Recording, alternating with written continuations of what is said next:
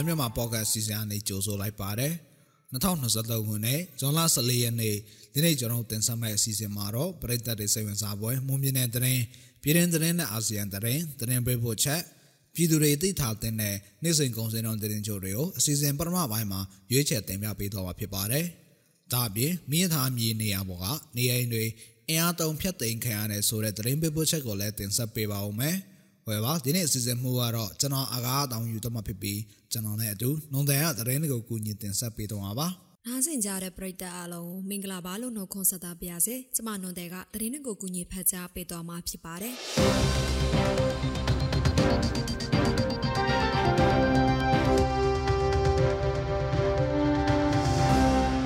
ပထမအဦးဆုံးသတင်းတစ်ပုဒ်အနေနဲ့မော်လမြိုင်မြို့အဝင်တန်လွင်တရားပေါ်မှာမနေ့ကနေ့လယ်ပိုင်းအချိန် စစ်ကားတစ်စီးကဆိုင်ကယ်နှစ်စီးကိုဝင်တိုက်မိပြီးဆိုင်ကယ်မောင်းသူတဦးတေဆုံးသွားခဲ့ပါတယ်။နေ့လယ်2နာရီဝန်းကျင်အချိန်ခန့်ကတန်လွင်တရာမော်လမြိုင်မော်ရမဘက်ချန်ချင်းကလန်ပေါ်မှာပေါင်မြို့ဘက်ကနေမော်လမြိုင်မြို့ဘက်ကိုတက်တာမောင်မောင်ဦးမောင်းနှင်လာတဲ့စစ်ကားတစ်စီးဟာအရှိရသွားနေတဲ့6ဘိန်းကုန်တင်ရင်ကိုကြော်တက်စဉ်မော်လမြိုင်မြို့ဘက်ကနေပေါင်မြို့ဘက်ကိုမောင်းနှင်လာတဲ့ဆိုင်ကယ်နဲ့တိုင်မိခဲ့တာပါ။ဆိုင်ငယ်ပေါ်မှာတော့အသက်35နှစ်အရွယ်တိန်တန်းဦးဆိုသူနဲ့ အသက်28နှစ်အရွယ်မောင်ကျော်ထွန်းအောင်တို့စီးနှင်းလာပြီးရင်တိုက်မှုကြောင့်ဆိုင်ကယ်သမားတိန်တန်းဦးဆိုသူဟာတရားရာဘက်အောက်ကိုပျောက်ကျသွားပြီးတေဆုံးသွားခဲ့ပါတယ်။တေဆုံးသွားတဲ့တိန်တန်းဦးရဲ့ရော့လောင်းကိုမောင်သမားတိုက်နယ်စီရုံကိုပို့ဆောင်ပေးခဲ့ပြီးထိခိုက်ဒဏ်ရာရသူနှစ်ဦးကိုတော့မော်မြိုင်မြို့အမှတ်9စစ်မြေပြင်စစ်တပ်ရင်ကတင်300စီရုံကိုပို့ဆောင်ပြီးစိတ်ကူးတမှုခံယူလျက်ရှိနေပါတယ်။ ဆိုင်ကယ်တွေကိုဝင်တိုက်တဲ့စစ်ကားဟာလည်းအရှိန်လုံးပြီးတဖက်ရင်ကျော်လမ်းပေါ်ကိုရောက်ရှိကတိမ်မှောက်သွားခဲ့ပါတယ်ခင်ဗျာ။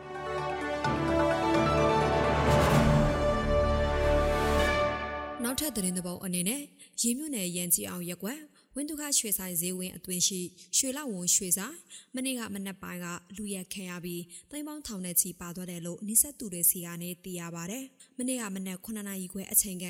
ရွှေလောက်ဝန်ရွှေဆိုင်ပိုင်ရှင်ဟာဆိုင်ဖွင့်နေချိန်အမည်မသိအမျိုးသားနှစ်ဦးလိုက်ပါစီးနှင်လာတဲ့မော်တော်ကားတစ်စီးဆိုင်ရှိကိုရောက်လာပြီးရွှေဘုံတဘုံကိုလူရက်ယူဆောင်သွားတာလို့ဆိုပါတယ်။ လူရက်ခံသွားရတဲ့ရွှေပုံဟာပလက်တီနမ်ရွှေတွေထည့်ထားတဲ့ပုံဖြစ်ကြောင်းတံမိုးသိမ်းပေါင်းရာချီရှိနိုင်တယ်လို့ဆိုပါတယ်။ရင်းမျိုးပေါ်မှာစစ်တပ်အာဏာသိမ်းပြီးနောက်ခိုးမှုနေအိမ်ဖောက်ထွင်းခံရမှုနဲ့လူရက်ခံရမှုတွေနေ့တိုင်းလိုလိုဖြစ်ပွားနေပြီးအခုလိုရွှေဆိုင်လူရက်မှုဖြစ်စဉ်ကတော့ပထမဆုံးအကြိမ်ဖြစ်တယ်လို့မြို့ခံတွေကဆိုပါတယ်ရှင်။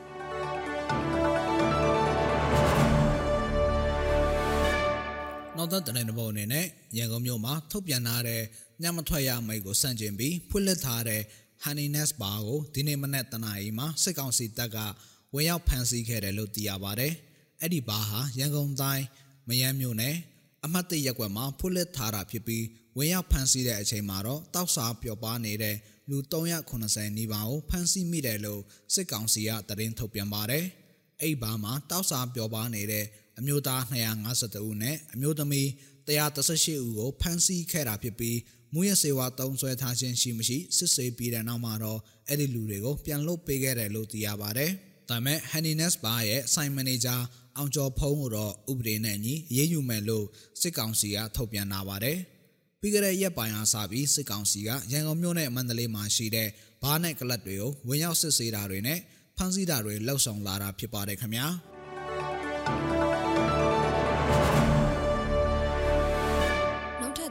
အနေနဲ့အပြည်ပြည်ဆိုင်ရာအလုတ်သမားအဖွဲ့ချုပ် ILO ဟာကမ္ဘာကလေးအလုတ်သမားစဲချင်ရင်းနဲ့အထက်အမှတ်ဖြစ်ကလေးအလုတ်သမားတွေအသုံးပြုတာကိုရပ်ဆိုင်ဖို့တနေ့ကတောင်းဆိုလိုက်ပါတယ်။အားလုံးအတွက်လူမှုတရားများတာရဲ့ခလေးလောက်တာအဆုံးသတ်ပေးကောင်းစင်နဲ့အစင်းမြစ်စကဝိုင်းတစ်ခုကိုလည်းအပြည်ပြည်ဆိုင်ရာအလုတ်သမားရေးရညီလာခံအပြင်ဘက်မှာကျင်းပခဲ့ပါတယ်။အဲ့ဒီစကဝိုင်းမှာလူမှုတရားများတာမှုနဲ့ခလေးလောက်တာပပျောက်ရေးတို့ကြားဆက်ဆက်မှုကိုအဓိကထားဆွေးနွေးခဲ့ကြပါတယ်။ ILO ညွှန်ကြားရေးမှူးချုပ်ကနှစ်ပေါင်း20အတွင်းပထမဆုံးအနေနဲ့ကလေးအလုပ်သမားမြင့်တက်လာတယ်။ကလေးပေါင်းတန်160ရှိတဲ့ထက်ကလေး10ယောက်မှတယောက်နီးပါးကကလေးလုပ်သားတွေဖြစ်ကြတယ်လို့ဗီဒီယိုမိတ်ခွန်မှပြောပါတယ်။ကဘာကြီးဟာ2000ပြည့်နှစ်ကစလို့ခလေးလောက်သားရှော့ချရေးမှာအရှိန်အဟုန်နဲ့တိုးတက်နေခဲ့ပေမဲ့ပြီးခဲ့တဲ့နှစ်အနည်းငယ်အတွင်းပဋိပက္ခတွေအကြက်သေးတွေနဲ့ COVID-19 ကပ်ရောဂါတွေကြောင့် မိမိသားစုတွေဟာပိုပြီးဆင်းရဲနွယ်ပါသွားကြပြီးတော့တန်းနဲ့ချီတဲ့ကလေးတွေကိုကလေးလောက်တာအဖြစ်အတင်းကျပ်ခိုင်းစေခဲ့ကြကြောင်း ILO ကတနင်္လာနေ့မှာထုတ်ပြန်တဲ့ကြေညာချက်ထဲမှာဖော်ပြထားပါတယ်။မိသားစုတွေနဲ့အတိုင်းဝိုင်းများစွာခံစားရတဲ့ဖိအားတွေကို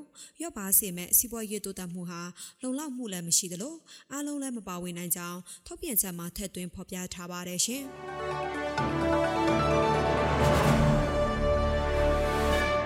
နောက်ဆုံးသတင်းပေါ်အနေနဲ့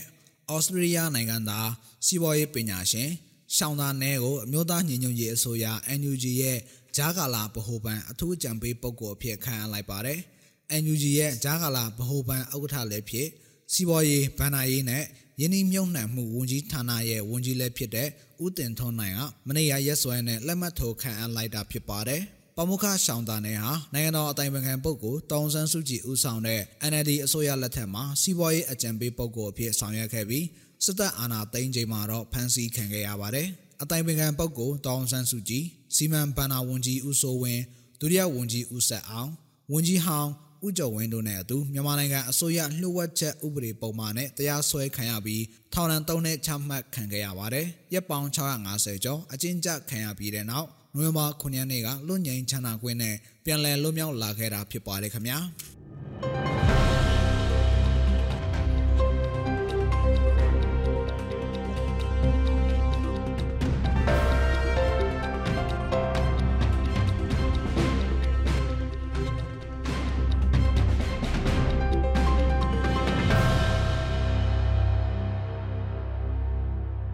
သူတွေသိထားတဲ့နေ့စဉ်ကုန်စည်နှုန်းသတင်းချို့တွေကိုမော်လမြိုင်ကုန်စည်တိုင်းကအချက်လက်တွေကိုအခြေခံပြီးတင်ဆက်ပေးပါဦးမယ်။ဟဲ့ပါဒီနေ့ထိုင်းနဲ့မြန်မာငွေလဲနှုန်းကတော့ထိုင်းဘတ်85ဒရမ2ဝယ်ဈေးရှိနေပြီးရောင်းဈေးက85ဒရမခွန်ရှိနေပါတယ်။ဒေါ်လာဈေးကတော့အမေရိကန်ဒေါ်လာကိုဝယ်ဈေးမြန်မာငွေ2955ကျပ်ရှိပြီးရောင်းဈေးက2980ကျပ်ရှိနေပါတယ်။ရွှေဈေးနှုန်းကမီလင်း16ပဲရေတစ်ကြက်သားကို အပြင်ပေါက်စေ33သိန်းဝန်းကျင်မှာရှိနေပါတယ်။73စီတွေကတော့ဒီဇယ်1လီတာကို1940ကျပ်အောက်သိန်း62တလီတာကို2005နဲ့95တလီတာကို2130ကျပ်အထိရှိနေတာပါ။စံစင်းတုံးကတော့အကောင်စားပေါ်ဆန်းမှု108ပေါင်အမြင့်ဆုံးကို84,500ကျပ်အလဲလက်တန်ဆန်မျိုးစားပေါ်ကျွဲ108ပေါင်အနှိမ့်ဆုံးကို93,500ကျပ်နဲ့အမထဆန်တွေကတော့108ပေါင်အနှိမ့်ဆုံးကို6500နဲ့အမြင့်ဆုံးကို 6900အထိရှိနေတာပါ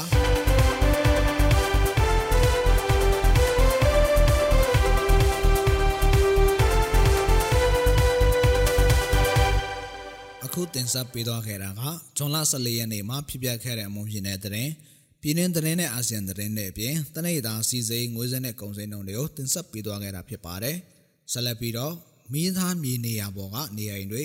အင်အားသုံးဖြတ်သိမ်းခံရတဲ့ဆိုတဲ့သတင်းပေးပို့ချက်ကိုနဒီရတင်ဆက်ပေးပါဦးမယ်။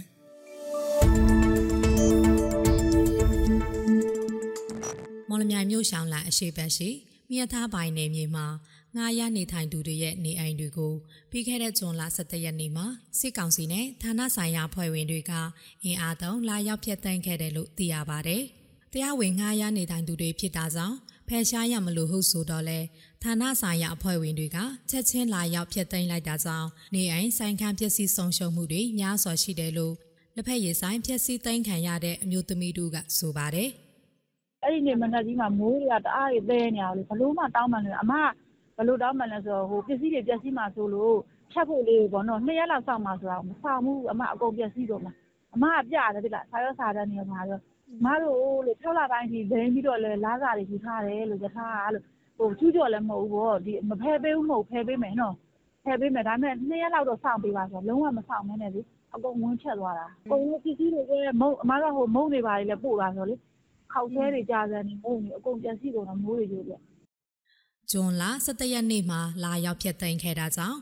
နေအိမ်နဲ့ဆိုင်ခန်းစုစုပေါင်း၈ခုပျက်စီးခဲ့ပြီးနေထိုင်ပြောင်းရွှေ့ဖို့အခက်အခဲဖြစ်နေကြတယ်လို့လည်းသိရပါဗျ။ ကျူးကျော်နေထိုင်သူအလုံးကို မေလကောင်ပိုင်းမှာအပိဖယ်ရှားပေးဖို့မလကတဲ့ကစာထုတ်ပြန်ထားတော့လဲငားရနေထိုင်သူတွေထံမြေသားဌာနမှာငားရန်ခအခွန်ဆောင်ခတွေကောက်ခံနေဆဲဖြစ်တယ်လို့လည်းသူမကဆက်ပြောပါတယ်။ဟုတ်ကဲ့ဖယ်ခိုင်းတာကျူးကျော်မဟုတ်တော့အမမြေသားကိုသွားပြောတာပေါ့။ကျွန်တော်တို့ကပါနေတယ်ကျမတို့ကလာပြီးတော့ဟိုဟာဖြစ်တယ်ပေါ့လာပြီးစာတွေပေးသွားဆိုစိတ်မပူနဲ့တဲ့မြေသား အဲ့ဒါတဲ့နင်တို့နဲ့မဆိုင်ဘူးတဲ့ကြီးကျော်တွေကိုဖယ်ကြတော့သူတို့ဒီကွက်ပြေလို့ရှိရင်အဆင်မပြေလို့တဲ့ပြီးလို့ရှိရင်နင်တို့လည်းကြံခဲ့မှာတဲ့ဆိုတော့အမကလည်းတကယ်ချင်းနေတာပေါ့အဲ့ဒါကိုကိုတလောကနေဟာကိုတော့လည်းခတ်တောင်းပြီးအမဟိုမှာလည်းရှိတယ်လေးလားလောက်ရှိဘူးအဲ့ဒါကိုဆက်ပြီးတော့နောက်ထပ်ဒါကထပ်တောင်းပြီးတောင်းတော့လည်းကိုကလည်းဟုတ်မဲ့လို့ပေးတာပေါ့ဒီနာကုံ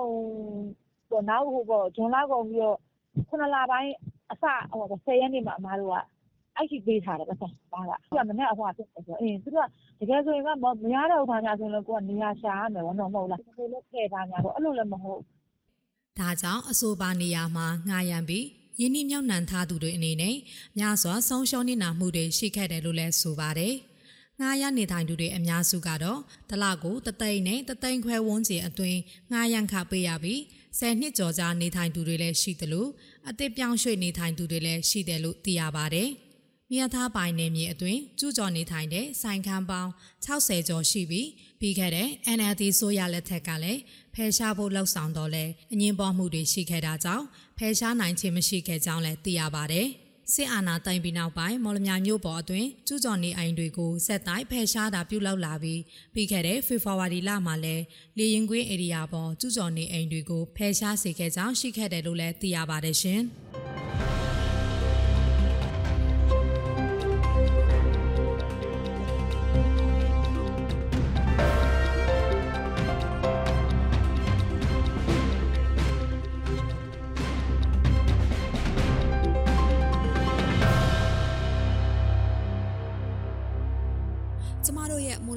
န်လန်းမြန်မာဖော့ကတ်အစီအစဉ်ဒီမှာတင်ပြီးဆုံးပါပြီ။နားဆင်ကြတဲ့ပရိသတ်အားလုံးကိုနောက်နေ့အစီအစဉ်တွေမှာဆက်လက်အားပေးကြပါအောင်လို့ဖိတ်ခေါ်ရင်းအစီအစဉ်ကိုဒီမှာပဲအဆုံးသတ်ပါရစေ။အားလုံးကိုကျေးဇူးတင်ပါတယ်ရှင်